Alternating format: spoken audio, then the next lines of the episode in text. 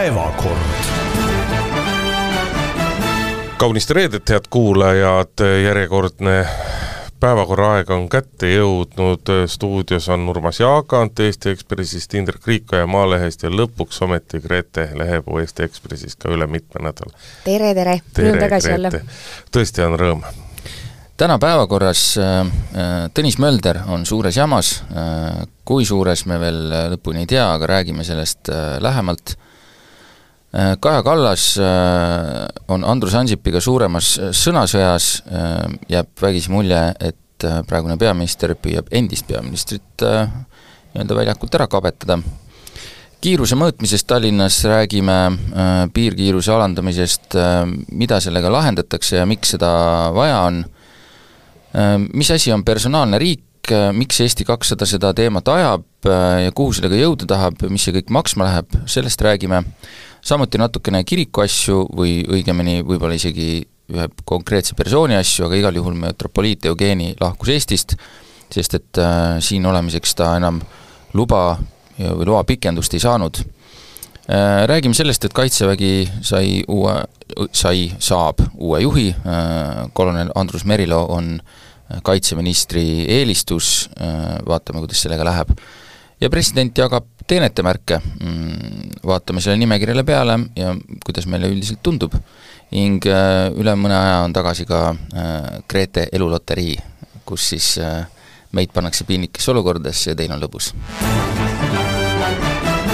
aga läheme siis esimese teema juurde, Tõnis Mölder on saanud kahtlustuse siis vist, kas nii võib öelda, Kaitsepolitseiamet on kinni pidanud, üle kuulanud ja ma saan aru, et ka Riigikogus äh, läbiotsimise teinud ja puudutab siis küsimust, et äh, väidetavalt Tõnis Mölder on siis andnud äh, katuserahasid ühele MTÜ-le siis selle nagu mõttega, et sealt tuleb pärast natukene nii-öelda kick-back'i, ehk siis osa rahast jõuab temani tagasi, kui see MTÜ on raha kätte saanud, see on nüüd äh, kaitsepolitsei versioon sellest äh, mis võis olla toimunud, detaile palju ei avalikustatud, aga neid on nüüd vähehaaval muidugi hakanud äh, juba tiksuma, ähm, me teame, äh, Õhtuleht kirjutab, et äh, MTÜ, ähm, mis siis selle juhtumiga seotud on, on Viljandimaal Kõo jahiselts, jaht siis kui küttimine, mitte merel purjetamine, ja summa järvel ikka, kui Viljandist no, rääkida. jah, järvel siis ja summa on kakskümmend viis tuhat eurot, mis, äh, mis see jahiselts siis äh, katuserahadena sai. oh, noh, sellise kokkuvõtte järel tahaksid raskelt ohata? jah, selles mõttes, et ähm, tõesti, ütleme siin ette ja taha igal pool ära ja hoidke see endal meeles, see on kaitsepolitsei versioon asjast, see on nende kahtlustus, kaitsepolitsei enamasti äh, sellise noh, juhuse peale välja ei lähe, aga kuna me ei tea, äh, asi pole kohtust läbi käinud, siis äh, ega süüdistust ju veel ei ole, et siis me ei tea, milliseks ja see asi nagu lõpuks kujuneb, aga igal juhul näeb see üsna halb välja. ma muidugi tahaksin sulle torgata selle juhuse peale mitte väljaminemise kohta, et sellel nädalal me oleme saanud teisest kohtuastmest otsuse Kajar Lemberi osas, kellele oh, tahaks öelda aastakümnetega, noh, mitte päris nii palju, aga seitse-kaheksa aastat vist on Lemberi protsess juba käinud küll, kus esialgu oli terve hunnik süüdistusi, mis siis lõpuks kohtusse jõudis nii-öelda ühe, ma ei mäleta, oli see seitsme või üheksa eurose juukselõikuse küsimus, eks ole, mis justkui siis olla nagu altkäemaks olnud, et selles mõttes noh, ega nagu prokuratuuril ei ole ka need asjad nagu mitte kõige paremini läinud, ei maksa uurida, eks ole, et uurib kaitsepolitsei, uurimist juhib prokuratuur no Mölder ennast hetkel süüdi ei tunnista, aga äh, võib-olla niisuguse nagu noh, väga kerge kiituse talle võib öelda või, või tunnustada teda selle eest, et ta on öelnud, et ta lahkub Isamaast. Küll aga jääb ta Riigikogusse ja jääb ka ähm, Tallinna volikogusse, Tallinna volikogusse, jah. jah, need asjad tulevad selles mõttes hiljem, et kui, kui on, kui tahetakse talle esitada süüdistust, siis, siis tuleb talt äh, võtta saadiku puutumatus ja selleks on oma protseduurid, mis äh, võtavad ka natukene aega, seal on, kui ma nüüd õigesti mäletan, vaja õiguskantsleri hinnangut, ettepanekut, ta peab sellega esinema Riigikogus ja siis Riigikogu hääletab, kas, äh, kas võetakse puutumatus, aga selleni me tulevikus jõuame, sellepärast et tõesti selleks on, peab, peavad, peab prokuratuur olema jõudnud nii kaugele, et nad on valmis esitama süüdistust aga see, et, et asi on hapu, võib-olla viitab äh, siis Isamaa esimehe Urmas Reinsalu kommentaarile, et, et tal ütleme, see, see kommentaar seal siis Tõnis Möldri pressiteates oli üsna lühike ja üsna konkreetne, et, et katseaeg no, erakonnast ei läbinud. see Urmas Reinsalu kommentaar üllatas mind selles mõttes kõige rohkem, et ega Urmas Reinsalul ei saa olla rohkem teadmist kui äh, Äh, kui ajakirjandusel no puhtsüdam, südamlik ülestunnistus äkki Mölderilt? no jah, teoreetiliselt puhtsüdamlik küll, aga kui ta tegi puhtsüdamliku ülestunnistuse Reinsalule, siis miks ta ei, äh, miks ta seda avalikkusele ei võinud teha, et äh, kõik on väga õige, kõik on mhm. arusaadav, ma lihtsalt oleks Isamaa poolt oodanud äh, nii-öelda tavapärast retoorikat, et et moraalselt ja eetiliselt on Möldrist niimoodi õige käituda ja loomulikult on inimene süütu, kuni kohus ta süüdi tunnistab ja meie siin Isamaas hindame ka puhtaid kuuerevääre nii väga ja et noh, see, see Reinsalu toon oleks võinud olla nagu selles mõttes nagu niisugune positiivsem, aga see oligi nagu noh, väga konkreetne, eks ole, et Mölder ei läbinud katseaega Isamaas ja ta-ta-ta, noh, ma ei tea, oleks siis ka mis siis eh, tahab ta nüüd öelda, Reinsalu, et kui Mölder õigeks jääb, et kas siis Isamaasse tagasi ei võeta või? jaa, mina ütleks selle peale niimoodi, et esiteks mm, kindlasti, siin on mitu aspekti, mis ma arvan, et võivad siin olla kaalutlusel, üks on see, et esiteks vaatame, mis Isamaa reiting teeb ja Reinsalu ei saa mingil juhul lubada mingisugustki äh, väikest võbelust, sest siis on tal jama ja äh, kujutame korra ette olukorda, kus äh, Tõnis Mölder oleks äh, kakskümmend aastat Isamaas olnud äh, tegija, poliitik, kes on olnud minister, mit-, erakonna juhtorganites, nii edasi, äh, ja mõtleme nüüd, kas see reaktsioon oleks sama? mina ei tea. aga, aga mulle tundub, et see ei oleks päris sama. et äh, mis ma tahan öelda, see võib-olla kõlab natuke halvasti, aga praegu oli Reinsalul üsna lihtne Äh, see, sellist, sellist järsku asja teha, sellepärast et katseaja mehe pärast ei no, võimelda. jah, see täpselt, et äh, Tõnis Mölder ei ole nagu ju Isamaas veel välja teeninud äh, mingisugust sellist noh, suurt toetust või seda nii-öelda kõh-, kõhklushetke. et äh, selles mõttes ma arvan, et see peeg-, peegeldab nagu seda olukorda ja vot see on, see on, kui natuke laiemaks minna, see äh, natukene kirjeldab meile ka, miks erakonnavahetus on ühele poliitikule selles mõttes ohtlik asi, mitte see, et sa jääksid mingi jamaga vahele, vaid just see, et sa pead uues erakonnas uuesti äh, võitlema ikkagi välja selle positsiooni, kus äh, see partei sinu ees seisab. et, äh, et praegu noh, ei tea, aga teist, teistpidi me muidugi oleme jälle selle koha peal, et et et äh, siin ei saa kunagi nagu niimoodi, ei lähe kunagi niimoodi, et erakonna reaktsiooniga oldakse rahul, et et praegu, praegu me ütleme, et noh, kuidas ta siis nii kiiresti loobus. kui Reinsalu ei oleks äh, nii kiiresti sellist seisukohta äh, öelnud, siis me ütleksime, et kuidas ta siis nüüd ei võta konkreetset seisukohta, muudkui seal jukerdab? ei, vaata minu arust öö ei saa öelda, et ei ole nii-öelda nagu Reinsalu või Isamaa seisukohaga rahul, et äh, seda ma küll ei saa öelda, ma oleks oodanud natuke teist reaktsiooni. aga noh, me peame paratamatult, nii ei ole võib-olla ilus vanu asju välja kaevata, aga me peame paratamatult äh, meenutama ka Tõnis Mölderi minevikku, mäletatavasti ta oli keskkonnaminister, me, kus ta astus äh, vähemasti avalikkuse jaoks omal algatusel tagasi ja selle põhjuseks olid hasartmängud ja hasartmängusõltuvus ja noh, kui nüüd, kui me vaatame Isamaa seisukohast, et kui meil on olnud, olnud mees, kes on pikalt poliitikas, on olnud minister, hasartmängusõltuvuse pärast astunud tagasi, tihtipeale hasartmängusõltuvusega kaasnevad ka erinevad rahajamad ja nüüd tulebki siis ka nii-öelda kahtlustuses üks rahajama, siis noh, kui sa siin selle üks pluss üks kokku liidad, siis sa Isamaa vaatest ei saa mitte vastuseks kahte, vaid võib-olla isegi kolm või neli. no jaa, aga teistpidi, mi-, kas siis, kas see peaks olema nii-öelda nagu asi, ma arvan, et neil oli sellest juttu, kui Mölder Isamaasse astus, et kas see on niisugune asi, mille pärast inimest ei saa enam nagu, ma tean, et muidugi, muidugi on see suurem risk, kindlasti on, kindlasti selle peale mõeldi, aga me teame, et Mölder tuli sellega nagu ise välja, eks ole, rääkis, on ka avalikkuses sellest teemast rääkinud, enda probleemidest,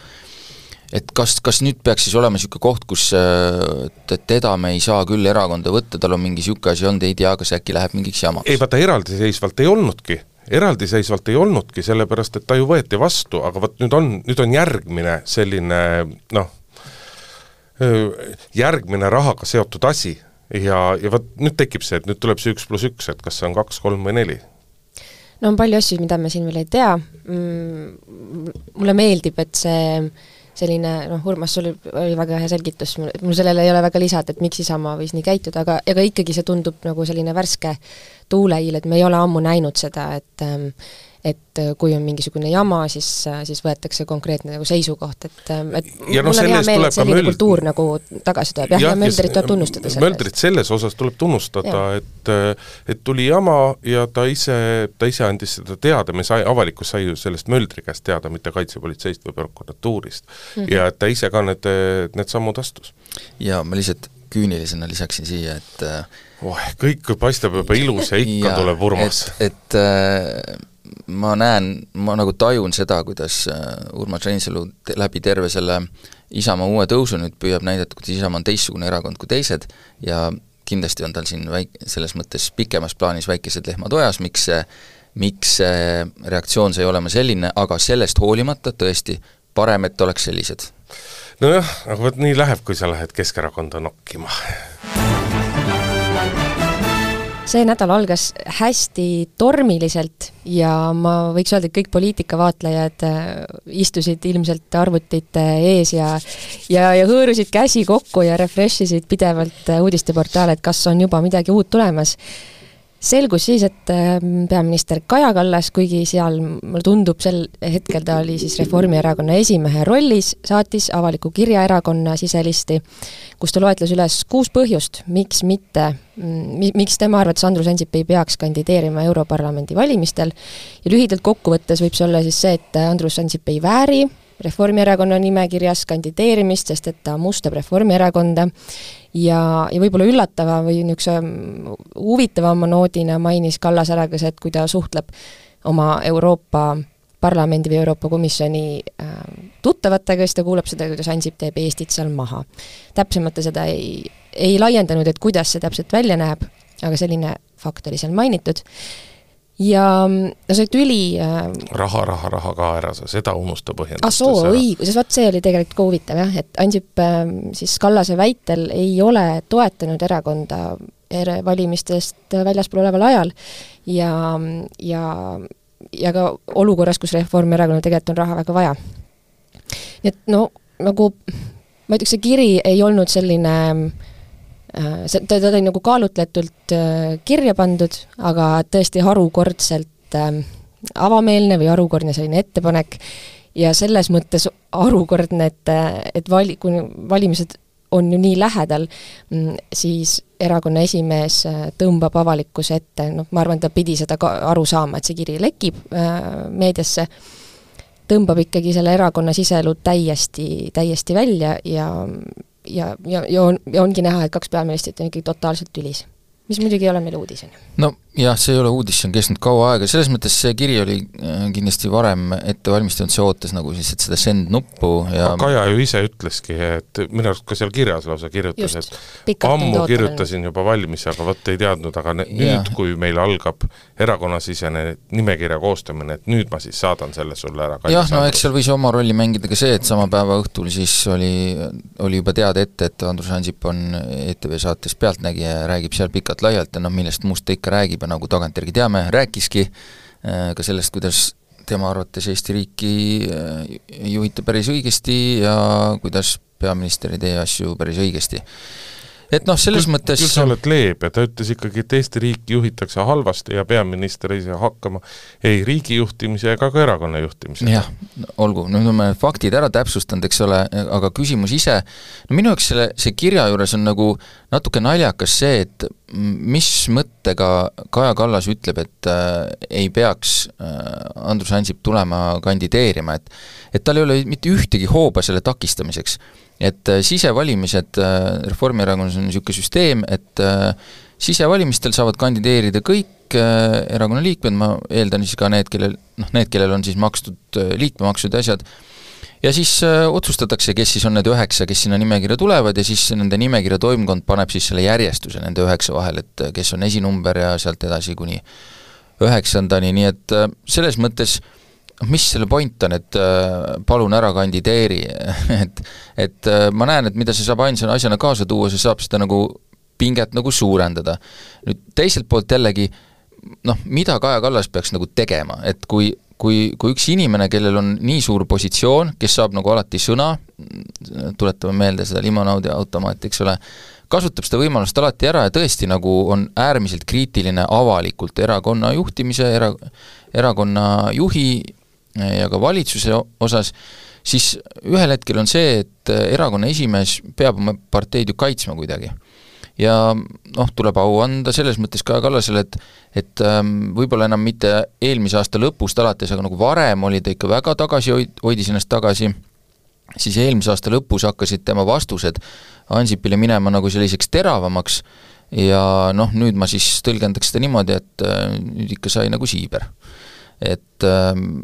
selles mõttes jah, naljakas olukord, Reformierakond on alati silma paistnud ajaloos sellega, et nad on suutnud oma sisemised asjad ära klaarida omavahel, neil oli kunagi selline, kui keegi mäletab, selline koopaoravate formaat, kus saadi kus, kusagil äh, kõrtsis kokku ja siis kuskil tagaruumis lihtsalt räägiti asjad sirgeks. et äh,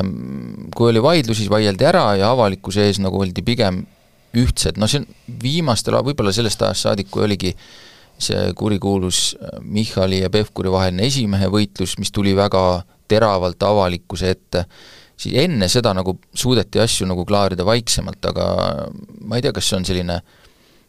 ajastu märk või et aga ka Reformierakond ei suuda neid asju enam äh, nagu kinni hoida. Ja mina arvan, et see on olnud nende üks edusaladusi siiamaani, et nad on suutnud oma äh, suutnud näidata suhteliselt äh, suurt ühtsust väljapoole. Ja paistab, et see hakkab siis nagu murenema tahtsin sulle nii palju täiendada, et kui sa rääkisid sellest Euroopa Parlamendi valimistest ja nimekirja moodustamisest, siis siin on oluline silmas pidada ka see, et kui nii-öelda tavalistel parlamendivalimistel, KOV-i valimistel, see nimekirja järjestus on hästi oluline, siis Euroopa Parlamendi valimistel see ei ole oluline kahel põhjusel, et ühel põhjusel, kuna see nimekiri on tõesti nii lühike, et kõik nii-öelda valijale on alati, kõik on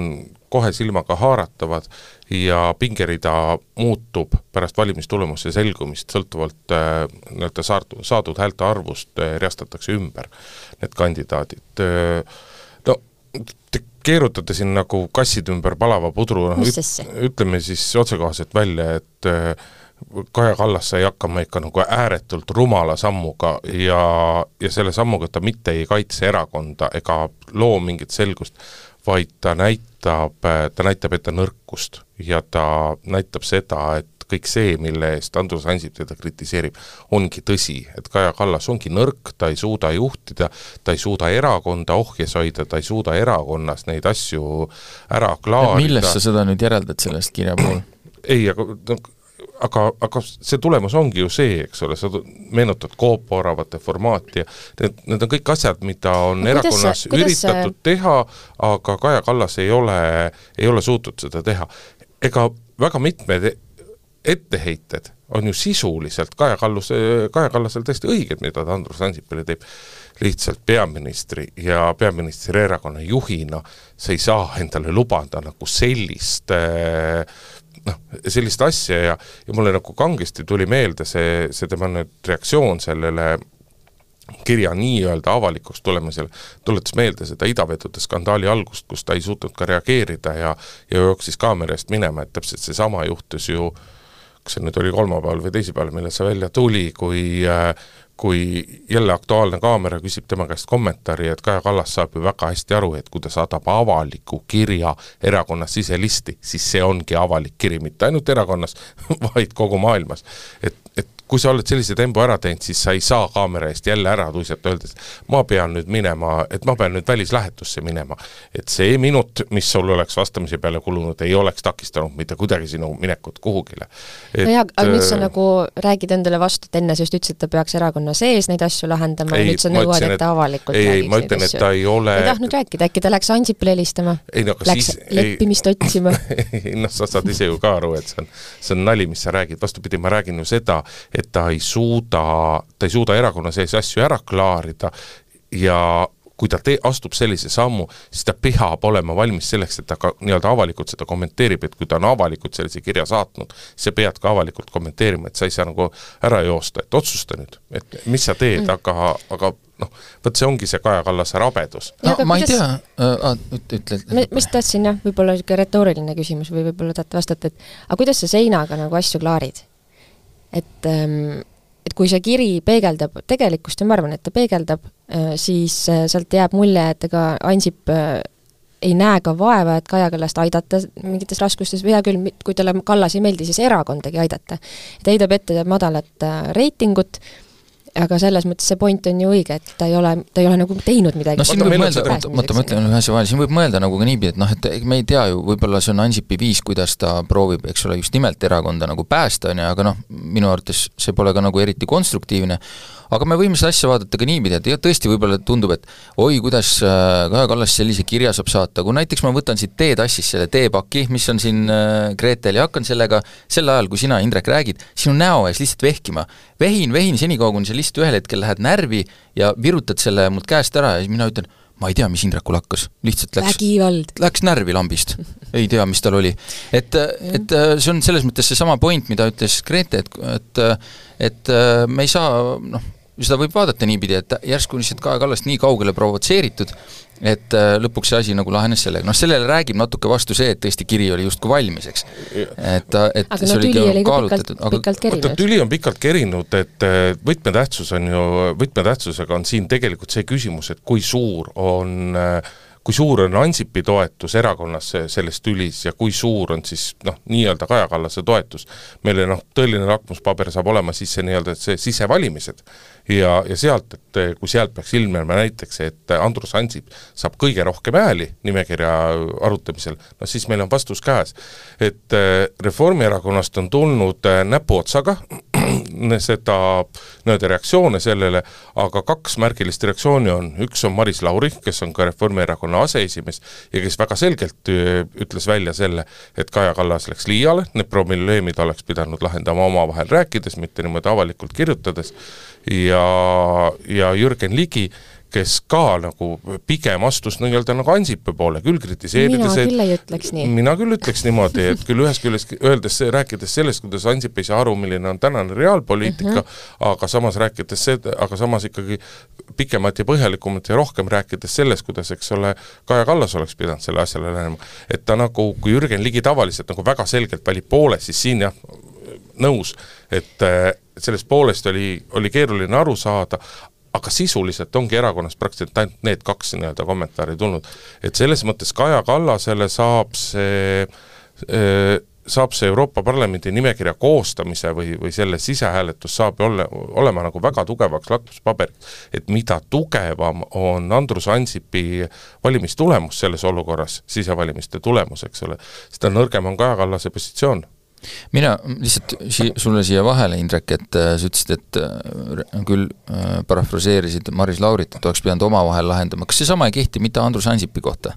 et oleks pidanud omavahel rääkima, et need avalikud torked kõik äh,, mina ei tea, kas see on nagu õige viis, et see Brüssel nüüd nagu nii kaugel ei ole ja telefoniühendused töötavad, et võib-olla saab nagu äh, võib-olla saab nagu rääkida ja ei pea nagu seda avalikult tegema, noh mida, mis meil puudu on kogu sellest arutelust? sulle antakse võimalus rääkida ja siin on ka nagu poolte arvamused no, nagu jah. väga erinevad sellest, et, et kas on, et kas on võimalus omavahel rääkida või ei ole võimalus no, rääkida. ei no Andrus Ansip on siselisti ju kirjutanud, seda on ka ajakirjanduses kajastatud. mis meil siit puudu on, meil on puudu see teadmine, palju on toimunud sellest, mida, millest me ei tea, eks ole, palju on omavahel räägitud päriselt ja kui palju seda ei ole tehtud ja mida on räägitud, mis toonidel ja kuidas see asi nii kaugele on nagu jõudnud, aga see kuidas see välja näeb, on nagu tõesti halb, muidugi pikemas vaates, lühemas vaates ma muide arvan, et äh, see selline Europarlamendi valimiste eelne omavaheline nagelus võib mõneks ajaks tegelikult erakonna reitingut isegi tõsta, sest et see tuletab inimestele meelde, äh, näiteks Reformierakonna mingit, mõnedele passiivsetele liikmetele, et ma olen ju ka seal, seal väga huvitav asi toimub mingisugused, saab mingeid pooli valida, on mingid vaated ühele, teisele poole. või tuleb meelde vana hea aeg, kui oli Andrus Ansip ja me ei mäleta enam neid halbu asju, aga meile tundub, et tohutu stabiilsus oli ja jaa, see on nagu... juba ammu, ammu kõik äh, enam ei mäleta, eks, aga, aga et see võib erakonda natukene ergutada küll äh, selles mõttes, aga pikas vaates see võib-olla erakonnale tõesti head ei tee. et, et sellisel, et sellisel tasemel selline võitlus käib ja noh, küsimus on ju sellest, et mis siis nagu, mis siis nagu keegi nagu saada tahab, et mis siis näiteks Andrus Ansip siit nagu saada soovib, et no aga ta selle, ta saab minu meelest igal juhul. ta on saanud eetriaega, see intervjuu Pealtnägijale oli täitsa nagu hoogne, niisugune lennukas, on ju, ta ütles seal asju, mis meile võiks ju väga meeldida, et ajakirjanduse vahendusel peabki asju arutama, no mis ajakirjanikul selle vastu võiks olla. Aga, aga kus ma tahtsin jõuda, on see, et tegelikult ju ei ole vahet, kus nimekirjas Ansip kandideerib, ta võiks olla vabalt üksikkandidaat. ja ta korjaks need hääled ikkagi kokku no,. aga miks ta peaks? Kui ta on aastakümneid sellesse erakonda küsinud. midagi, mul see, see on ta on kõige pikk nagu. staažikam Reformierakonna juht, ta on kõige staažikam Eesti Vabariigi peaminister, miks ta peaks oma koduerakonnast, koduerakonnast lahkuma olukorras, kus läbi kogu oma nii-öelda valitsusaja, ma pean silmas erakonna mõistes valitsusaja, on ta suutnud ju hoida erakonda tipus, ta on suutnud teha korduvalt erakonnast öö, valimiste võitja, miks ta peaks sellest kõigest loobuma ja, ja miks ta peaks olema vait, kui ta näeb, kuidas tema teatud mõttes elutöö, elutööd praegusel hetkel ikkagi süstemaatiliselt nagu hävitatakse ja ja Reformierakond erakondade toetustabelis, eks ole, liigub üle mitmekümne aasta sinna neljanda koha suunas. nojah, ega noh, ma muidugi on utreeritud, muidugi on utreeritud. tuletame ikkagi meelde, minu arust on ka Andrus Ansip öelnud korduvalt siis, kui ta peaminister oli, et kes neid reitinguid vaatab ja mis tähtsus sellel on valimiste vahelisel ajal ja no ainult selgub, et ikkagi vist on tähtis aga no üleüldiselt tõesti, ega mina ei oska siin nagu öelda, kellel on õigus või mitte, see konflikt on lihtsalt läinud natukene koledaks. Ja äh, noh, kellele see, kellele see magus on pikemas vaates kindlasti Reformierakonna konkurentidele, võib-olla Reformierakonna endal tuleb siit lühikene niisugune puust või sutsakas, eks ole, sellise ergutava ärkamise näol, aga pikemas plaanis võidavad sellest ikkagi konkurendid. ma nii palju tahtsin öelda, et tegelikult on seisud ikkagi selles mõttes väga sandid, et äh, isegi Jaak Madisson tundis vajadust tõtata Andrus Ansipile appi ja teda toetada Läheme edasi teiste võimumeeste ja nende tobeduste, jampsluse või, või, või sul-, sulaselga rumalusega. hakkab pihta hakkab pihta. hea saak käimas. Tallinna liikluses on otsustatud minna taaskord reformide teele, hakata, kes ütleb, et taga kiusama autojuhte, kes äh, nimetab seda mingisuguste teiste nimedega, aga üle linna on väga paljudes kohtades äh, piirkiirust alandatud ja noh, nagu tellimise peale supsti, nii kui piirkiirus alanes, nii pandi välja kohe loomulikult ka automaatsed kiiruskaamerad ja trahviraha muudkui tuli ja tuli ja tuli ja tuli ja tuli ja tuli. tõesti tuli või? ma usun, et tuli küll, ma, ma olen ise kuulnud päris hulka inimesi, kes on kurtnud tuli, tuli ka enne kiir-, piirkiiruse alandamist juba? noh, kas, ma kahtlen, et, et nii palju tuli, sest et see oli ikkagi puhas nii-öelda millal nagu, see kiiruse alandamine tehtigi äh,? äh raha teenimise projekt kõik oleks, kõik on arusaadav, kui näiteks, kui näiteks Kalamajas või, või, või Pelgu linnas alandatakse mingitel tänavatel piirkiirust ja mõeldakse rohkem äh, jalakäijate peale ja nii edasi, aga kesklinnas pole jalakäijaid või? oota, luba ma nüüd lõpetan, ära hakka vahele segama kõige jaburam kõigest sellest otsustest on ikkagi nii-öelda nagu see eh, Liivalaia tänava piirkiiruse alandamine, sellepärast et probleemi, mida sellega lahendatakse, see probleem on küll täiesti arusaamatu. Ja noh, nagu ütlevad teadlasedki, et tegemist on,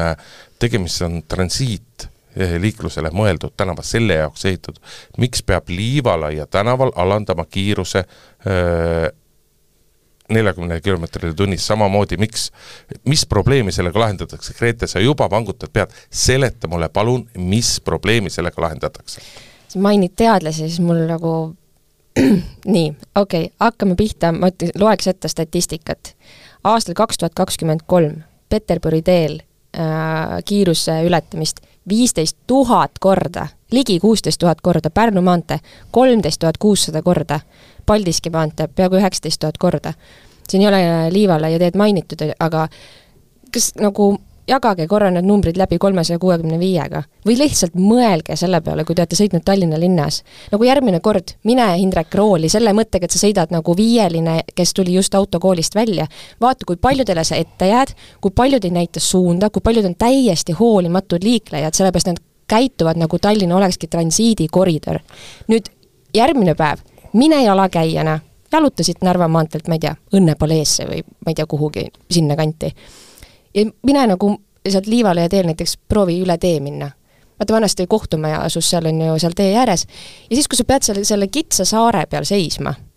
ja sinust vuhivad autod mööda, kes sõidavad seitsmekümnega, mul tuleb nagu küll pähe, et ma peaks elukindlustuse ära tegema Liivalaia tänaval ei sõida keegi seitsmekümnega, Narva Nalja teed. Narva maantee Nalja ei, teed. ei tee nalja, ei, ei, ei tee nalja, ma ma käin sellel tänaval. veel., ma käin sellel tänaval pidevalt ja ületan seal ka pidevalt eh, jalakäijana oi teed., Hindrek, seda on nii lihtne kontrollida, ma võtan homne päev ei, välja aga vaata, siin me jõuamegi Narva maanteel nii palju, kus kohas on põhi, ega siis selle all ei peeta silmas mitte Narva maanteed, mis alu- asub Tallinna kesklinnas, vaid peetakse silmas Narva maanteed, mis asub Lasnamäe veerel kus, kus kohas on seal põhiline lemmikkoht, kus kohas liiklus äh,, li-, automaatsed kaamerad väljas on, kas sa tead seda? ei tea, põhiline koht,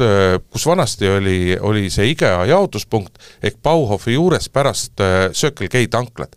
kus tegelikult ei ole mitte mingisugust põhjust hoida viitekümmet kilomeetrit tunnis. ei ole, sest et seal ei ole mitte mingisugust jalakäijate liiklust. Mitte mingisugust põhjust Indrek, ei ole hoida linnaruumis peab hakkama rahunemine, autojuhtide rahunemine peab pihta hakkama sellest piirist, kus algab Tallinna linn. ja punkt. Ja sealt peabki hakkama. ja see kiiruskaamera on mitte Tallinnasse tuleval suunal, vaid on reeglina Tallinnast välja. No sellel ei ole, ole. sellel ei ole mitte mingit mingisugust põhjust ei ole. inimesed, sellel ei ole mingit vahet, kui on öeldud, kui on öeldud, et äh, siit maalt hakkab viiskümmend, siis on, nii ongi, noh et see kaamera aga ma võib ei panna. vaid-, ma ei vaidle sellega, et Liivalaia tänaval on viiskümmend, nelikümmend ei ole seal põhjendatud ja kõige ja, on, ja kõige jabur ja kõige jaburam ka oota, ma mõtte lõpetan oma mõtte ja Noh, siis saad sinna rääkida. ja kõige jaburam on see, et kogu linnaliiklus peaks olema nii-öelda orienteeritud rohelisele lainele, aga selle peale teatab abilinnapea, et aga rohelist lainet ei ole võimalik tekitada, ehk me tekitame liiklusolukorra, kus me toome ummikuid, tekitame juurde ja Väga probleeme hea. tekitame veel rohkem juurde ei ole räägin, see ei hea. ole sellepärast, et selle all kannatavad jalakäijad veel rohkem. no ütleme niimoodi, et äh, see, kui te siin keskendusite sinna Liivale tänavale, siis nii palju, kui mina seal sõitnud olen, siis seal saab seal harva sõita üleüldse viiekümnega ja mina, siis Liivale Oh, ja tänav on äh, nii lühike, et äh, kas seal sõita neljakümne või viiekümnega pole absoluutselt mitte mingit vahet. Vähimatki vahet ei ole, aga küsimus, minu, minul ei ole, minul täitsa ükskõik, kas seal on viiskümmend või nelikümmend, sest et seal äh, ütleme niimoodi päevasel ajal, välja arvatud õhtused ajad, saab seal sõita enam-vähem kuskil nelja, tõesti võib-olla enam-vähem neljakümnega, pigem mitte sedagi, et selles mõttes ähm, selles mõttes, et kui sa, kui küsida, et kas see lahendab mingeid probleeme, trahve saavad seal inimesed edasi, ilmselt umbes samades suurusjärkudes, see trahvide hulka kindlasti ei vähenda, autode liikumiskiirust ma arvan, see eriliselt ei vähenda, aga see ei tee ka autojuhti elu kuidagi eriliselt keerulisemaks, et seal, et seal nüüd tuleb sõita neljakümnega mm. -hmm. mitte mingil määral, sest et see, kas sa jõuad sinna Liivalaia tänava ühest otsast teise kakskümmend sekundit varem või hiljem, ei ole vähimatki või isegi vahet. kaks minutit. see kõik äh, on algus, Hindrek, see asi läheb palju hullemaks, ma loodan, et läheb palju hullemaks selle läbi, et kõigepealt me alandame kiirust. Siis see tähendab, et see linnaruum nagu muutub äh, mingi aja tagant, kui Koit Toomed äh, ka harjuvad ära sellega, et ei peagi gaasi põhja vajutama, muutub rahulikumaks. Võib-olla tekib tunne, et okei okay,, me saame tegelikult siia mm, tee keskele näiteks teha mingisugused ilusad äh, rohealad, me saame teede äärde teha rohealad, meil ei olegi vaja seda transiidikoridori keset teed, et ähm, keset linna, et me saame sellest luua nagu mõnusa linnaruumi. me räägime ainult autodest praegu, aga me võiks rääkida jalakäijatest, jalgratturitest, see, see teekond, mis ma sulle enne ette pa-, andsin, on ju, et hakkad Narva maanteelt minema no ma ei tea, näiteks Tehnikakõrgkooli või sinna Õnne palee juurde, sul ei ole mitte midagi teha seal tänaval nagu vahepeal, mõned üksikud kohvikud on, aga üldiselt hästi ebamugav on seda teed käia, kohutav müra on hästi, noh, vastik, see on vastik koht, kus olla, mitte keegi ei taha hängida Narva maanteel või, või Liivalaia teel aga see, see ei peaks nii olema. ja me kogu aeg räägime umbes, et ähm, noh, et äh, valitsus ei saa hakkama, et kuidas majandust tõsta ja nii edasi. nagu see on üks viis, kuidas äh, tuua ka ärisid nende suurte magistraalide ja nende teedel, kesklinna tuua rohkem ettevõtteid, tuua kohti, kus inimesed tahavad oma raha jätta. jah, ma arvan, et see, seda ei muuda ka palju see, kas on viiekümne asemel nelikümmend, et sama ja, müra jääb ütlen, see on samasuguseks. nagu algus alles, et see, Äh. see suund on jumalast õige. lihtsalt Ei- sellest ärritusest ma lihtsalt nagu selles määral aru ei saa, et äh, lihtsalt see linnakeskkonna, keskkonnas ütleme, palju suurem mõju on see, kas lubatakse näiteks talvel, kui on, teed on puhtad, maanteed ma mõtlen, talvel, kui maanteed on puhtad ja kuivad, et kas on mõtet näiteks Tallinna-Narva maanteel äh, lubada ainult üheksakümmend, võib-olla võiks seal lubada ka talvel mingitel hetkedel sada kümme, sest seal on võimalik ajaliselt võita, kui sa oled sõit-, sõitmas näiteks Rakverre või kuhugi sinnapoole, eks. sul on või-, seda muuseas juba tehakse, kus on oled... elektroonilised jah, seal ongi, aga mujal ei ole, neid on meil suhteliselt vähe veel. seal on nagu võimalik ka midagi võita selle kiiruse noh, muutmisega. Tallinna, Tallinna kesklinnas, südalinnas ei ole absoluutselt mingit vahet, kas on lubatud viiskümmend või kolmkümmend, et see, see ei, see ei anna kellelegi mingisugust ajalist võitu, see, et sa võid sõita viiekümnega, ega võta ka ära midagi erilist, kui sa võid sõita ainult kolmekümnega, nii et selles mõttes mul tunne, et selle üle nagu nii palju jauramine on suhteliselt vähetähtis. et äh, kui, kui see, kui see oleks selline vastupidine, ütleme, omavahel ühenduses, et Tallinnas võetakse kiirusi madalamaks ja siis maanteedel, kus on olud lubavad, lubatakse sõita kiiremini, ma oleks selle väga selle poolt. Kahjuks need asjad ei ole omavahel niimoodi seotud, aga see probleem ei tundu nagu nii suur, kui, kui siin Hindrek või keegi teine nagu tahab näid-, näidata. vaata, see probleem on selles mõttes laiem, et sellest, et see, väga paljude inimeste elu muudab see keerulisemaks. jalakäijate elu Liivalaia tänaval ei muutu mitte millegi poolest kelle elu muutub liht-, keerulisemaks? lihtsamaks, sellepärast et täpselt needsamad ülekäigurajad on, täpselt samasugused äh, Äh, täpselt samast kohtades on võimalik üle minna, täpselt sama palju on võimalik üle minna, ajad on samad, liiklus aetakse sassi, aetakse umbe. eelkõige linnavalitsus võiks, ma ei, ma ei vaidle sellele, et Kaarli puiesteel, Estonia puiesteel, Narva maantee ots, ma ei tea, on see siis siit meie maja juurest äh, või, või, või noh, minu poolest Viru keskusest, kus iganes,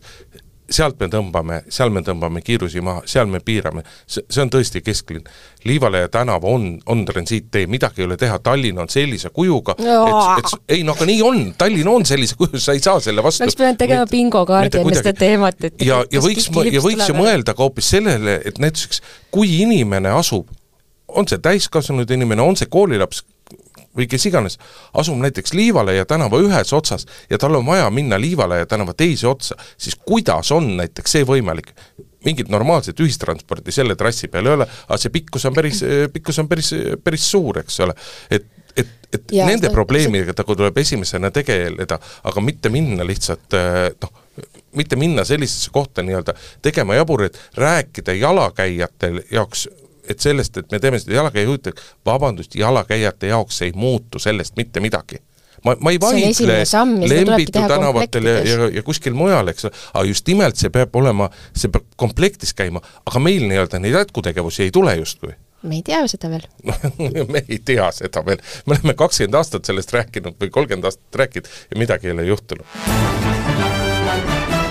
Lähme edasi järgmise päevakorrapunktiga, äh, personaalne riik, äh, Eesti kakssada erakond, kes on selle teemaga olnud äh,, läinud valimistele esitanud seda väga suure osana enda programmist erakonna loomisest alates on nüüd siis valmis saanud sellise nii-öelda esialgse visiooni, kuidas siis peaks välja nägema ja mis see personaalriik ja mis asi see üldse on ja mida selleks siis nagu justkui tuleks teha, no me oleme seda paberit näinud, ma olen selle ka üle lugenud, noh, ega eriti ei saa targemaks, selle idee iseenesest on nagu, tundub intrigeeriv, et, et ütleme, kõik asjad, mis sinul on vaja riigiga kuidagi ajada, on kõik kuskil nagu ühes kohas koos. Ja ühesõnaga, e, e, pigem on, ütleme, e, idee mõte on see, et mitte sina ei käi kuskil taotlemas mingisuguseid asju endale, vaid riik teab, mida sul on vaja ja pakub sulle ise Äh, ja sa pead ainult siis noh, ütleme, mis sa nagu tahad või, või vajad, kas sa ütled jah või ei, ja kõiki neid mingisuguseid aruandlust ühesõnaga nagu vähendama, et iseenesest see mõttena on nagu hea, äh, iseküsimus selle juures on, kui palju on see teostatav, kes seda teeb, mille eest ja kui palju siis sealt tuleb äh, nii-öelda riigile mingisugust võitu, mida, mida siis võib tõlgendada siis ma ei tea, kas eelarve kokkuhoidu või meie üldise eluolu äh, nagu parandamisena. Urmas on mitu korda selles saates meenutanud seda, kuidas kunagi ennem valimisi ütles, ähm, ütles äh, Margus Tsahkna, et äh, temal on olemas paber, kus, kus on kirjas, kuidas viis miljardit saaks kärpida Eestis, et noh, et kärpeplaan on nagu selge ja siis Urmas on seda siin saates meelde tuletanud ja küsinud, et aga kus siis on need ettepanekud, selle personaalse liig-, riigiga on mul täpselt samasugune tunne, et et Eesti kakssada on noh, nüüd juba üle viie aasta rääkinud sellest, et kuidas personaalne riik peab tulema ja nemad täpselt teavad, milline see personaalne riik äh, olema peab ja mis see siis ikkagi tähendab, kui palju sellega saab kokku hoida, mis kasu sellest on nii riigile kui inimestele kui ma seda esitlust äh, kuulasin ja, ja seda paberit vaatan, siis noh, ma, ma ei näe seda teadmist mitte kuskil, et äh, minu hinnangul on personaalse riigi mõiste Eesti kahesajale täpselt sama hägune kui minule ja kõigile teistele. on jah, pisut hägune, et, et see, et me noh, see on, siin on nagu Eesti arenemine siis jagatud kuidagi mingitesse etappidesse, et meil oli, on ju, e-riik, kus see kõik algas, on ju, et üldse teenused on seal internetis ja, ja paberimajandust on vähem, et nüüd, nüüd siis praegu äh, on lõppenud meil digiriigi ajastu ja nüüd peaks algama personaalne riik, aga et jah, et me, ma, tahaks öelda pigem nagu ma ei tea, on see digiriik kaks, et vahet pole, kuidas me seda nimetame, selles mõttes, et ma olen nõus, et me ähm, digiteenuste remonti peame hädasti tegema. äh,, ma ei tea, hiljuti mul oli vaja eesti.ee-st, ma mõtlesin, et see on nagu õige koht, kust äh, vaadata mõningaid oma dokumente, mida Eesti haridussüsteem mulle on jaganud, ma ei leidnud sealt mitte midagi üles. vähe sellest, ma pidin, äh, see suunas mind mingisugusele järgmisele lehele, kus ma pidin jälle kuskile sisse logima ja nagu tohutult vaeva nägema. aga noh, see on nagu väike probleem, on ju, palju äh, palju grotesksemad näited on ju need, kus äh, noh, näiteks inimene, kellel ei ole ühte jalga, peab mingi aja tagant nagu tõestama, et tal endiselt on see puue, mis mitte kuhugi ei kao. et kõik nagu sellised, sellised asjad tuleks korda teha ja, ja, ja see digiriigi taristu, mis senimaani on äh, on meil olnud, et see vajab ka nagu hädasti remonti ja tegemist, et nagu see teema on ju õige ja suund on ju ka õige ja, ja see, mida mulle kodanikuna on lubatud, et, et ühe kliki kaugusel on asjad, et ma pean ühe korra oma andmeid esitama ja nii edasi, see ei ole täitunud senimaani et meil on olnud Eesti kakssada, mis reaalsuses ei toimu, sest et sinna sa logid korra sisse ja siis hakkad järjest järgmist kohta. kas, kas teil on ka sama tunne ütlesin nagu Eesti kakssada või? ütlesin eesti.ee on ju? ei, vot mul nüüd sa tekitasid minus mõtlesin... tunde, et kas mina mõtlesin Eesti.ee või no, ütlesin Eesti no, no Eesti kodulehekülje läksin, kust ma peaksin saama. kas teile jääb ka seesama tunne nagu minule, et et sisuliselt nii-öelda ainus mõte, mida personaalse riigi all räägi-, all räägitakse, on see, et riik tahab luua endale praegu ühe keskkonna, kuhu jooksevad kokku kõik äh, ma ei tea, on need sajad või on need tuhanded erinevad andmebaasid, mida Eesti erinevad ametiasutused peavad ja kust nad peavad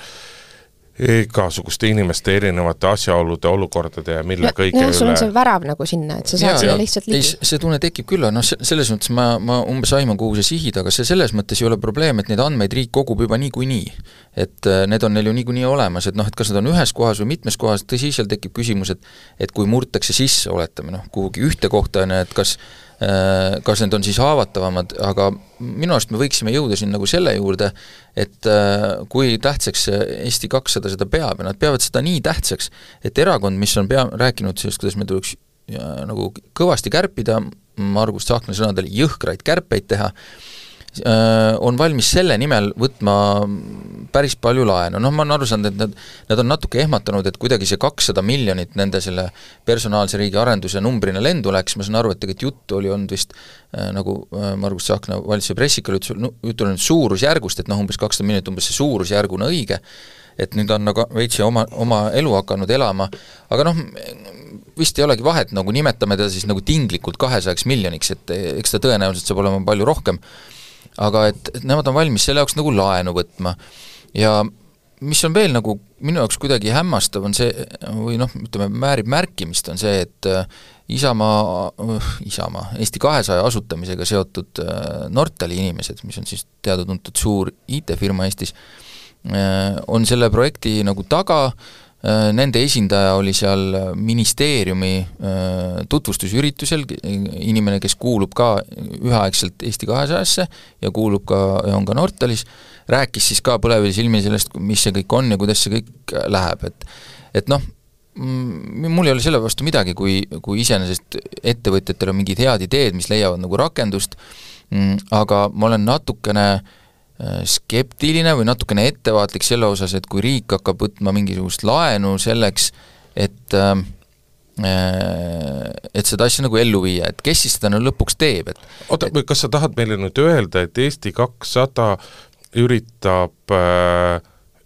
üritab äh, personaalset riiki teha selle jaoks, et nende äh, Nende asutajast ja suurtoetajast äh, Priit Alamäe ettevõte saaks selle tellimuse endale ja saaks tööd, et nad üritavad seda oh suurusjärku kakssada no. miljonit, mille kohta sa muidugi ütlesid väga teraselt, mis kindlasti läheb tunduvalt mm -hmm. suuremaks, sest et kas te olete mõnda riigi tehtud IT-arendust näinud, mis oleks maksnud nii palju, kui see oleks, eh, kui alguses oleks planeeritud, või mõne erafirma, kellel, kes on ka alati samade asjadega kinni. jumala eest, ma tõesti ei mõtle seda, ma mõtlen lihtsalt seda, et tulevad ju kindlasti hanked ja võib selguda, et võib selguda niisugune olukord, kus hangetele see asi, mida hankele pannakse, on juhtumisi selline, selliste nõudmistega, et äh, Nortal nüüd kuidagi saab selle hanke endale või neid mitu, seal tuleb kindlasti palju hankeid, aga, aga see võib-olla isegi ei ole nagu oluline nii palju selle koha pealt, et meil on äh, et noh, kui idee on iseenesest hea, noh milles siis nagu probleem, et äh, aga aga nende IT-asjadega on tõesti nii, et äh, IT-ettevõte, kes arendab mingisuguse süsteemi ja ei arenda seda selliselt, et pärast on ainult tema see, kes suudab seda hooldada ja ülal pidada äh,, on üsna rumal IT-ettevõte. et äh, mida tasub teha, alati tasub teha selline süsteem, et sa oled sellega seotud pärast pikka aega, kus on vaja hooldada, ehitada, parendada, muuta äh,, ja selle pealt nagu jookseb ju kogu aeg nagu selline püsiv nagu sissetulek. et me ei tea, kes need hanked võidavad ja muidugi need saavad olema rahvusvahelised hanked ja kindlasti maailmas väga palju ettevõtteid, kes äh, tahaksid või oskaksid selliseid asju teha. kuidas see läheb, mina ei kujuta ette, lihtsalt see teeb mind natukene ettevaatlikuks. et ma püüan selle juures kogu aeg mõelda selle peale, et, et oletame, et on nagu üks idee, mis on tõesti, ongi väga hea, et kui me ei räägi praegu ainult sellest konkreetsest ideest, vaid ükskõik millisest, et noh, kas, kas see peaks olema takistus mingi idee elluviimiseks, et näiteks selle pakkus välja mõni ettevõtja, meile kogu aeg küsitakse ettevõtjatelt mõtteid, et kuidas mingeid asju teha. ma ei saanud ikkagi aru, mis asi sind ettevaatlikuks teeb, kas kas see, et, et üks suvaline, et üks IT-ettevõte võib saada endale nii-öelda pika pika leivapajuki äh, ja pika teenistuse riigi käest või on sinu jaoks ikkagi probleem see Eesti kahesaja ja Nortali omanike seotus ja, ja see, et Eesti kakssada neid äh, plaane välja pakub? ei, nüüd natuke seoses, aga pigem, pigem see, et äh, Eesti kakssada on valmis selle jaoks nagu laenu võtma, et see on, see on üks, üks asi, mis minu jaoks on noh, teeb ettevaatlikuks, sest et mina ei ole selles näinud senimaani nendes, nendes presentatsioonides ja nendes sõnavõttudes, mis sel teemal on olnud, et see on sellist masti investeering, mm, mis tooks nagu tagasi äh, kogu selle, kogu selle nagu summa, mis selle peale nagu kulutatakse, võib-olla toob, võib-olla on lihtsalt liiga vähe senimaani näidatud neid, ma ei tea, arvutusi, ma ei, võib-olla neid ei olegi veel, aga ma ei näe praegu, et, et see oleks nagu noh, tulus äh, investeering kindlasti ja igal juhul, et äh, selles suhtes ma oleksin nagu võib-olla se-, selle koha pealt veidikene ettevaatlik sel nädalal on siis Eestist äh, lahkunud metre, metropoliit Eugeni ära läinud. ära, ära läinud jah, jah, mitte surnud, vaid ta läks tagasi Venemaale, äh, kus, ma saan aru, tegelikult ta viimastel aastatel suuresti on ka viibinud, aga põhjus, äh, miks ta siit pidi ära minema, on see, et ta ei saanud oma elamisloa pikendust. ja selle põhjus omakorda on see, et ta kuulub kirikusse, mis äh, Venemaal aktiivselt elab kaasa sellele, äh, kuidas äh, tappa ja rünnata ukrainlasi. ja mm, on tõstetud siis küsimus, et kas see, kas kas see on siis nüüd õige nagu alus, miks loobuda inimesel elamisloa pikendamisest ja ma arvan, et on küll, jah. no siin on meil see probleem, siin on meil see probleem peamiselt, et see võib-olla asi ei olnud nagu, mina olen aru saanud, et asi ei ole mitte kirikus, vaid asi on isikus, et äh, siin on nagu see halb koht on see, et me kunagi ei saa teada täpselt neid põhjendusi, aga mina olen aru saanud, et ju, meie äh, tublid jõustruktuurid on esitanud äh, vastavatele inimestele neid põhjendusi, miks äh, Eugeni peaks Eestist äh, lahkuma ja siia mitte enam luba taga äh,, tagasi tulla saama, et äh, ja see on nagu tehtud, et ma olen aru saanud, et siin nagu välditakse üsna hoolega seda, et seda nagu kirikut kuidagi ähm, noh, alla tõmmata, aga tegelikult me nagu teame, et, et need kirikujuhid, kelle ülemused Moskvas, eks ole, väga, nagu sa ütlesid, väga sõda toetavad, et siis on meil ka nagu sellega probleem, et noh, mina, ma ütleks selle peale, et noh, kui, kui ega mul ei jää midagi muud üle, kui usaldada siin kohapeal, eks ole, neid äh, struktuure, peamiselt siis Kaitsepolitseiametit, kes on siis teinud mingisuguse ettekande, ma saan aru, selle kohta, mis, mis see inimene endast kujutab ja tema tegevus ja miks seda siin jätkata ei saa, et ähm, mul ei ole kuskilt võtta mingisuguseid muid andmeid, mis seda kuidagi ümber lükkaksid ja ju see siis nii on. ütleme jah, et me ei saa nagu öelda, et see kogudus konkreetselt on ju, mis tema juhtimise all Eestis koos käib, et nemad siin ähm, noh, selgelt oleksid kõik, on ju putinistid, me ei tea seda, küll aga mitte, ma mitte kogudus, vaid, vaid ikkagi kirik, jutt käib siis Vene õigeusu kirikust. ma mõtlen neid inimesi siin Eestis, kes käivad kuulamas Eugenit või käisid kuulamas või, või siis Eugeni kolleege, on ju, äh, küll aga ma absoluutselt, äh, me saame öelda, et äh, nii-öelda Vene riigikirik on, on Russki Miri osa. ja see on üks, üks viis, kuidas nad selle pehme jõu kaudu äh, ajavad oma propagandat. mind on juba jupp aega painanud üks küsimus, et vot minu vene keele oskus ei ole nii hea, et ma, kui ma lähen lähen õige, Vene õigeusu kiriku jumalateenistusele, et ma saaksin aru sellest, mis seal, mis seal räägitakse ja öeldakse, sest et noh, see nende niisugune laulev kõnelusviis ja, ja, ja vana niisugune pigem nii-öelda arhailine vene keel, aga teadupoolest ju Vene õigeusu kiriku juht on andnud välja, on, on väga selged töökasud välja andnud, et kõigil jumala, jumalateenistustel Vene õigeusu kirikus tuleb palvetada ka Ukrainas sõdivate sõdurite eest, nii-öelda Vene sõdurite eest, kes Ukrainas sõdivad või siis nende vaates erioperatsioonil viibivad, nende eest seista, neid kiita, nende pärast muretseda. Ja Venemaal kiusatakse taga ja kõrvaldatakse töölt äh, äh kirikuõpetajaid, kes seda ei tee et selle töökasu järgi tegelikult tuleks seda teha ka Eestis asuvates vene õigeusu kirikutes. Ja, ja mind on jupp aega painanud see probleem, et huvitav, et kas seda tehakse või seda ei tehta, sest et noh, näiteks see, et äh, Vene õigeusu kiriku patriarhi eest palutakse, kes on nagu väga aktiivne sõjatoetaja ja ja seetõttu ka mitmel, väga paljudel sanktsioonidel, tema eest ja tema nimel palvetatakse küll ka Eesti kirikutes, et, et kuidas huvitav selles Ukraina sõrut-, sõduritega on, sest et vot see on küll nagu väga selge küsimus, et kui selline asi peaks Vene õigeusu kirikus toimuma, siis tuleks minu arust rääkida ka sellest, kas Vene õigeusu kirikul on Eestis kohta või mitte, aga aga metropoliidile sai ju saatuslikuks eelkõige ikkagi see, noh, ta oli tegelikult ju teatud mõttes kahvlis, ega tal ei olnudki midagi teha, et temalt oodati väga selget äh, Ukraina sõjategevuse hukkamõistmist, läbi kirikute nõukogu ta justkui nagu seda tegi, otsesõnu ta seda ei teha ei tahtnud, sellepärast et noh, tal on väga keeruline vastu olla minna ka, ka oma kiriku eh, juhtkonnaga, eks ole, et, et, et ta oligi selles mõttes nagu kahvlis, teatud mõttes see on nagu, see on nagu diplomaatidegagi täna, eks ole, et et Moskvas on alles väga vähe suursaadikuid ja samamoodi on, on, on väga paljudest riikidest on Venemaa suursaadikud lahkunud ja on kas siis aju-, ajutised asjurid või kuidas iganes nende ametinimetus on, et selle kirikujuht, juhiga on teatud mõttes nagu sama situatsioon. aga sa ütlesid päris hästi, et tõesti ähm,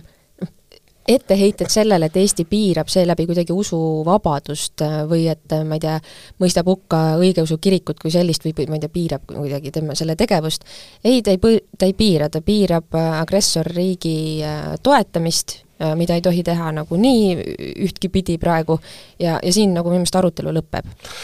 samas see, mina saan nagu väga hästi aru sellest, et mitmed ju äh, kirikute nõukogu liikmed ja, ja, ja ka Luteri kiriku mitmed juhid, Urmas Viilma minu arust küll mitte, aga ma pole eksinud, võtsid tegelikult sõna selle vastu, et äh, Eugeni elamisluba ei pikendatud, viidates just nimelt sellele usuvabaduse punktile, et seda, et nemad niimoodi teevad, sellest ma saan täiesti aru ja see ongi nii-öelda noh, küll nii-öelda te-, teine religi-, religioon, aga aga, aga, aga see ei ole ju usuga midagi pistmist. No,, mitte ei, midagi. Äh, vaata, see Eugeni väljasaatmine, see ei olnud nüüd nii mustvalge, et selles ei ole, selles oma nii-öelda nagu poliitikat taga ei ole, et on, loomulikult on oma poliitika, aga selle poliitika on sinna toonud Vene õigeusu kirik ise kuna nemad on ennast väga selgelt just, poliitiliselt just. positsioneerinud, et selles mõttes, et noh, siin peab selle poliitika ja religiooni äh, äh, lahus hoidma, et seetõttu siin ka ju levisid äh, sotsiaalmeedias äh, pildid, kui ma ei eksi, vist kas pühapäevaselt jumalateenistuselt, kus Jevgeni teenis ja kus oli nii Urmas Viilma kui ka oli Mihhail Kõlvart. ja vaat seal mul tekkis küll see tunne, millele ka paljud on tähelepanu juhtinud, et see, et Viilma seal on, on nagu loogiline, aga miks Tallinna linnapea ja Keskerakonna esimees peab seal olema, vaat sellest on mulle keeruline mõista, see, seda on mul keeruline mõista muud moodi, kui sellega ta näitas tegelikult äh, venekeelsele kogukonnale, et tema Jevgenit toetab, poliitikuna ta näitas. järgmise teema juurde, kus on ka küsimus väga oluline, kes keda toetab, kaitseminister Hanno Pevkur on nüüd äh, teatanud siis äh, oma noh, eelistuse või oma kandidaadi uue kaitseväe juhatajana, kelleks on siis äh, kolonel Andrus Merilo. Üllatuskandidaat kahtlemata, mm, siin jõuti pärast seda, kui Martin Herem teatas, et ta ei jätka, spekuleerida mitmesuguste nimedega, aga, aga Andrus Merilo nimi küll väga läbi ei käinud, et olid küll erinevad teised, aga tihti see nii kipub olema, et ähm, eriti näiteks Euroopa Liidu poliitikas, et kui, kui spekuleeritakse mingite nimedega väga valjusti, siis tuleb kuskilt üllatuskandidaat, kes siis laua puhtaks lööb, no, no on läinud siin ka nii seekord, aga äh, keeruliseks teeb selle arutelu see, et ja mis on üks ka suur etteheide olnud äh, sellele valikule, et me äh, Andrus Merilust just liiga palju ei tea et äh, auastmelt äh, kolonel ja ka see on olnud üks etteheide, et äh, et kas äkki vara ei ole, kuna äh, auaste pole veel selline, et et võiks kogu Eesti Kaitseväge juhtida. et peaks mingit masti kindral ikka olema. jah, et ega ta ju ei ole sealt kaugel, aga jah, et äkki ikkagi peaks, no mina ei oska siin ausalt öeldes väga nagu seisukohta võtta, olen siin lugenud arvamusi inimestelt, kes võib-olla seda valdkonda rohkem tunnevad, ja ei oska nendega ei nõustuda ega vaielda, aga äh, paistab, et päris kõva selline poliitiline vaidlus on küll selle ümber käinud, et kes see, kes see isik peaks olema. Ja just on, huvitav on see, et, et äh, nii-öelda välja kukkusid need äh, nii-öelda favoriidid, kelleks siin peeti Palmi, Karust ja selliseid inimesi, kes kes on olnud võib-olla natuke rohkem nähtavad ja ka kõrgematel positsioonidel Kaitseväe struktuurides juba nagu varem. No kõige rohkem on räägitud jah, Veiko-Vello Palmist ja, ja teda, tema, tema poolt nii-öelda väga palju sõdisid Kaitseministeeriumi tippjuhid, kui me siis kaitseministri välja jätame ja ja üritati sa-, siin saada, väidetakse, et ka Martin Heremi eelistus oleks olnud tema, Herem ei ole seda avalikult mitte kuskil välja öelnud ja tõenäoliselt ei oleks ka, ei oleks ka selle, seda nagu ühelgi hetkel välja öe-, välja öelnud, aga noh, mida Palmile on, on ette heidetakse, on selline väga reljeefne väljendumisstiil, mis paljusid inimesi segab ja, ja osade inimeste pelgus, et, et kas ta, et kas ta ei võiks osutuda nii-öelda liiga liiga konfliktseks inimeseks, et Kaitseväe juhataja on ühest küljest nii-öelda nagu, ta on ühest küljest Kaitseväe juhataja, aga teisest küljest on ta nagu, ta ei ole mitte nii väga isetegev sõjamees, vaid tema on see diplomaat, kes peab asuma Kaitseväe ja poliitikute vahel. ja suhtlemisoskus äh, äh, nii-öelda mingitel hetkedel äh, enda tagasihoidmine ja kõik sellised asjad on selles ametis nagu üli, üliolulised ja paljud pelgavad, et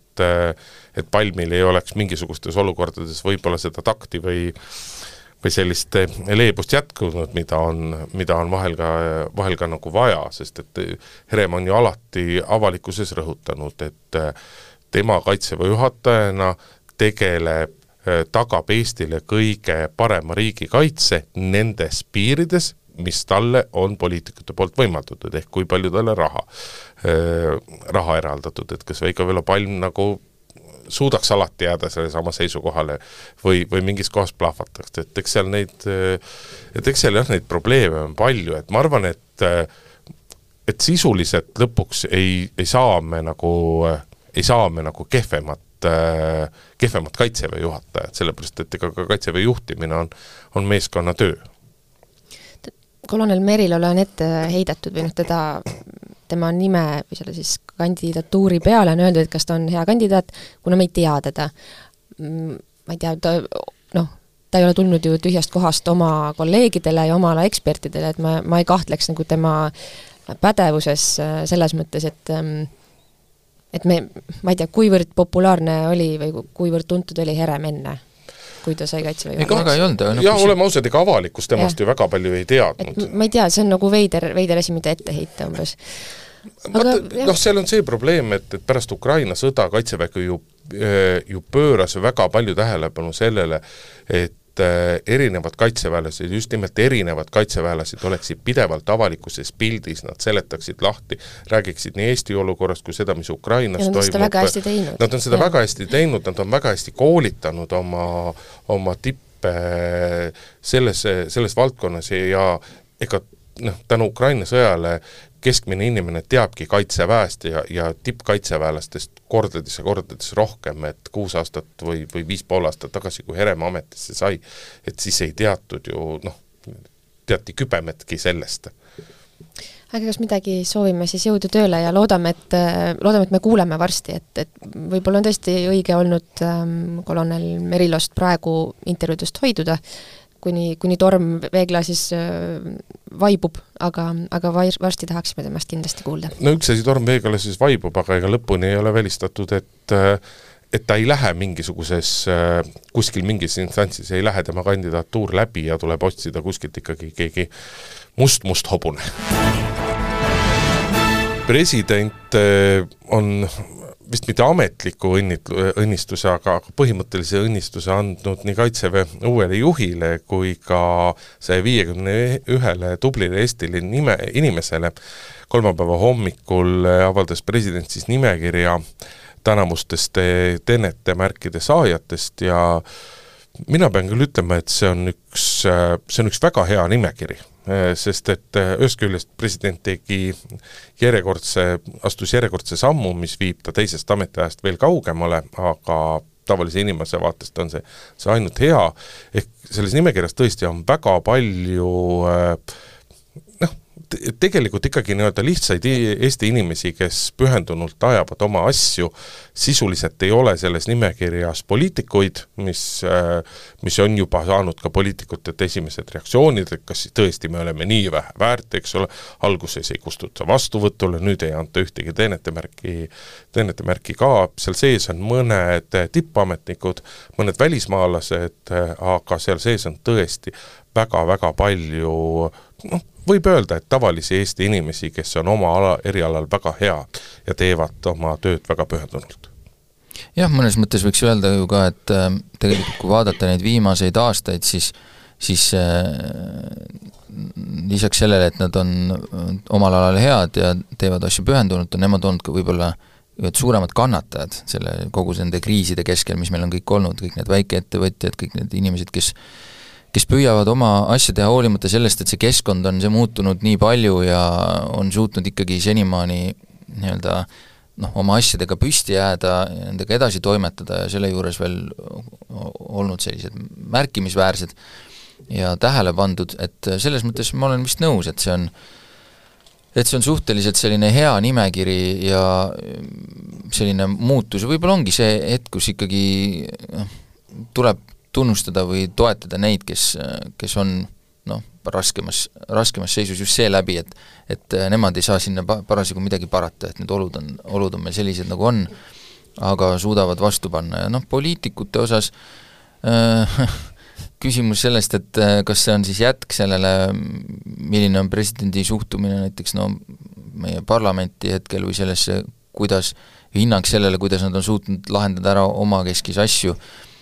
võib-olla, et äh, võib-olla on ja ausalt öeldes jah, et äh, siin osad inimesed võivad tunda ennast kuidagi puudutatuna, et aga meie ju ei ole süüdi.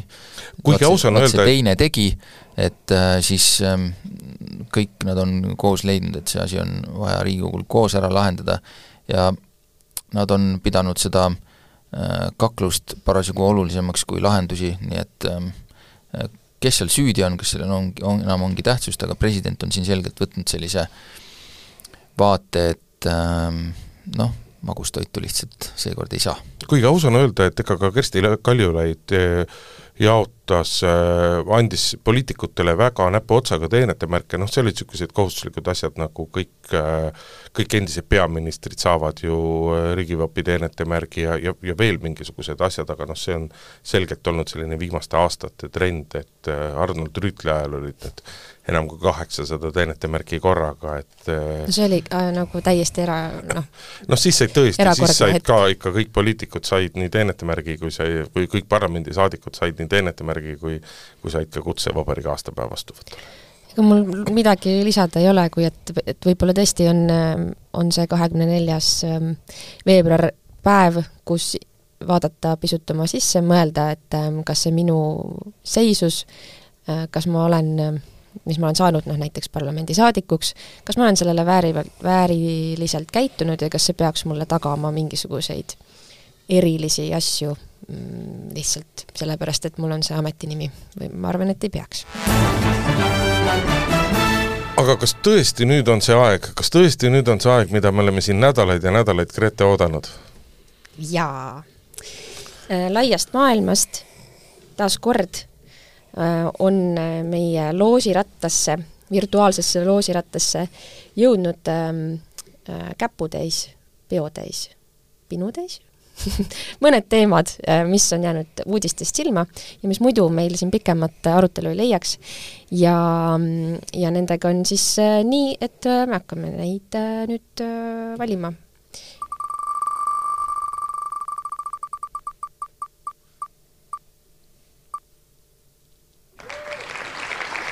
jaa, selline tore uudispealkiri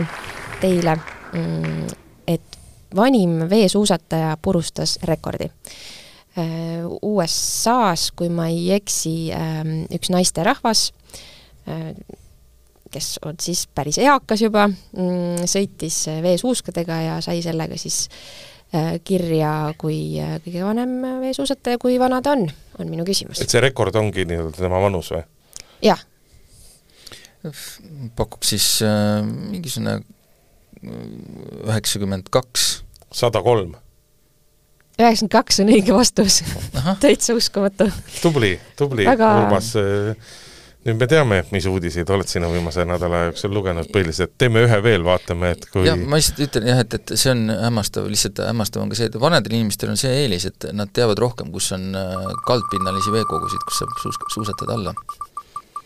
nii, et teine teema on meil kodumaine ja tegelikult ähm, juba mõned nädalad vanad. Äh, Mart Sander nimelt äh, sai ka ühe Guinessi rekordi omanikuks ja ta, see rekord on siis selle eest, et ta mängis ise rolle filmis ja see on siis nagu kõige enam, et üks inimene on mänginud väga palju rolle ja selle eest ta saigi rekordi, et kõige, ükski teine inimene praegu ei ole siis nii palju rolle mänginud ja mitu neid oli pakume siis mingisugune kakskümmend kuus. tahaks sada kolme jälle pakkuda, aga pakume nelikümmend kolm seekord. Äh, üks-üks teil ja nelikümmend kaheksa on, on sel juhul õige vastus. noh, ei saanud päris täpselt, aga lähemale, no teeme siis ühe veel, et siis saame teada, kes Ühel ikkagi, kes rohkem mm -hmm. loeb huvitavaid uudiseid, kas mina või Urmas. no nii Äh, Viigi lahutaja küsimus on selline, et ähm, Indias Mumbais ähm, ajasid politseinikud taga ühte tuvi, sellepärast et tal olid ähm, äh, jalgade küljes äh, rõngad. noh, teate, nagu lindudele pannakse, on ju, sinna külge, külge küll, aga politseinikud tegid need ärevaks. ja küsimus on, et miks, miks seda, milles seda tuvi kahtlustati no küllap äh, mingisuguses salakuulamises äh, pakuks, et äh, tuvid on ju ajalooliselt kasutatud nii-öelda postilindudena filmides igal pool, et ma pakun, et siis peeti teda spioontuviks. ma oleks ka spiooni tahtnud pakkuda, aga ma ei tea, ma pakuks siis, et pommituvi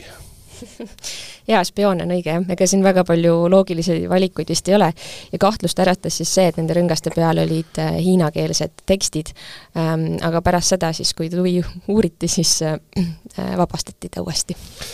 Aga teadmisega siis, et Urmas selle võistlus meil võitis, tõmbame tänase saate otsad kokku, Urmas Jaagant, Grete Lehepõe, Indrek Riika olid stuudios, kuulake meid Delfi taskust, Spotify'st, Apple'i podcastide keskkonnast, Maalehest, Eesti Ekspressist äh,,